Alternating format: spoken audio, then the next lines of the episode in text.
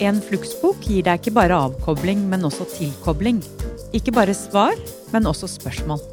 For å inspirere deg til en åpen og nysgjerrig holdning til livet.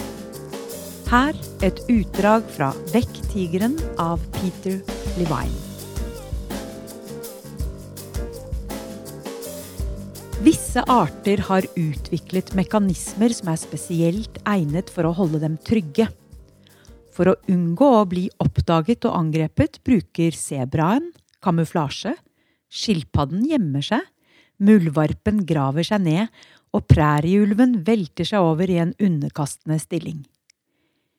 Kjemp, flykt, frys, atferd er så primitiv at den går forut for selve reptilhjernen. Disse overlevelsesmekanismene finnes hos alle arter, fra edderkopper og kakerlakker til primater og mennesker. Universell og primitiv forsvarsatferd kalles kjemp, flykt, frys eller fight, flight, freeze-responsen. Hvis situasjonen krever aggresjon, vil en truet skapning kjempe. Dersom det truede dyret høyst sannsynlig vil tape kampen, vil det løpe om mulig. Disse valgene er ikke uttenkt, de er instinktivt styrt av reptilhjernen. Når verken kamp eller flukt vil sikre dyrets trygghet, finnes det et annet forsvarsverk – immobilitet, eller frys, som er like universelt og grunnleggende for overlevelsen. Av uforklarlige grunner får denne forsvarsmekanismen sjelden like mye oppmerksomhet i det som blir skrevet om biologi og psykologi. Likevel er den en like farbar overlevelsesstrategi i truende situasjoner, og i mange situasjoner er den det beste valget. På et biologisk plan er ikke suksess ensbetydende med å vinne. Det betyr å overleve, og det spiller egentlig ingen rolle hvordan det foregår. Målet er å holde seg i live til faren er over, og forholde seg til konsekvensene siden. Naturen vurderer ikke hvilken strategi som er best. Hvis prærieulven lar den tilsynelatende døde pungrotta være i fred, vil rotta komme seg ut av immobiliteten, frysresponsen, og gå videre uten å bekymre seg for om den kunne ha respondert på en bedre måte. Dyr anser ikke frysresponsen som et tegn på utilstrekkelighet eller svakhet, og det burde heller ikke vi. Hensikten med å løpe eller kjempe for å unnslippe fare er innlysende. Virkningen av frysresponsen er mindre åpenbar. Likevel er den like viktig som overlevelsesstrategi. For det første vil rovdyr ikke angripe og spise et urørlig dyr med mindre de er svært sultne. Frysrespons er en herming av døden, noe som lurer jegeren til å mistenke at kjøttet kan være fordervet. Gjennom denne villedende handlingen har byttedyret en mulighet til å unnslippe. Og for det andre har rovdyr vanskeligere for å oppdage et bytte som ikke er i bevegelse. Dette gjelder særlig når byttedyrets farger eller utseende fungerer som kamuflasje. Frosken eller øglen eksempel kan ikke oppdage et insekt i gresset før insektet beveger seg.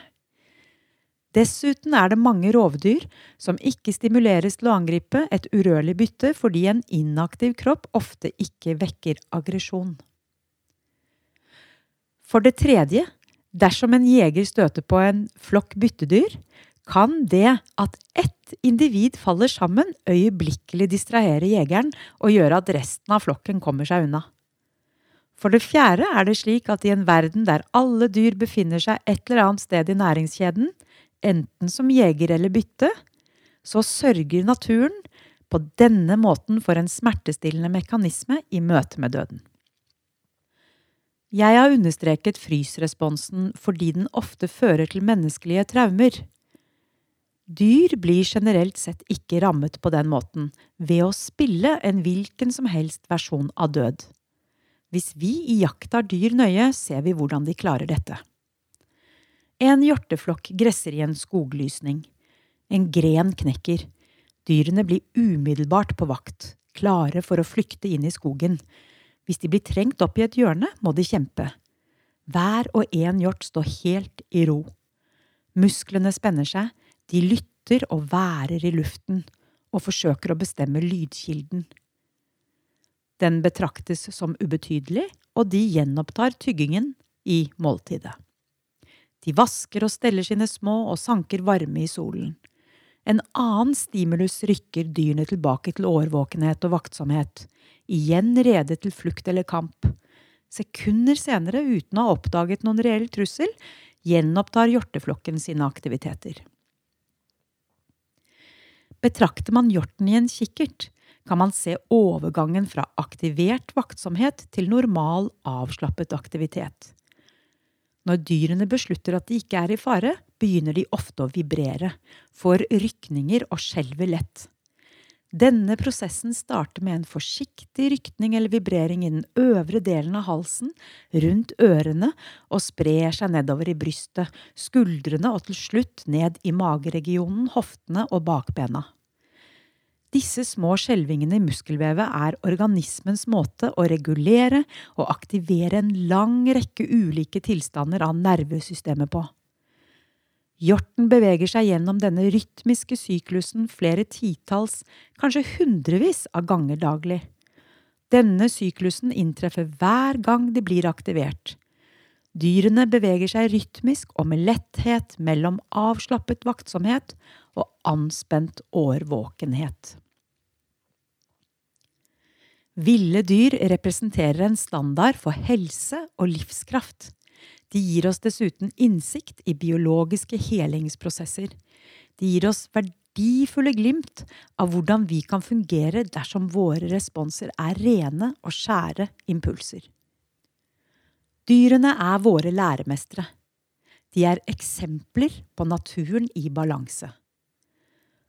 Noe av det vanskelige ved traumebehandling er å fjerne søkelyset på innholdet i en hendelse som har forårsaket traume. Mennesker som lider under traumer, identifiserer seg ofte som overlevende snarere enn som dyr som reagerer instinktivt. Dyrenes evne til å hente seg inn etter en trussel kan brukes som en modell for mennesker. Den gir oss en pekepinn i retning av våre egne iboende helingsevner. Vi må bli oppmerksomme på vår dyriske natur hvis vi skal finne de instinktive strategiene som trengs for å frigjøre oss fra traumenes hemmende innvirkning. Mitt navn er Trine Line Bjong, og jeg jobber i Flux til daglig.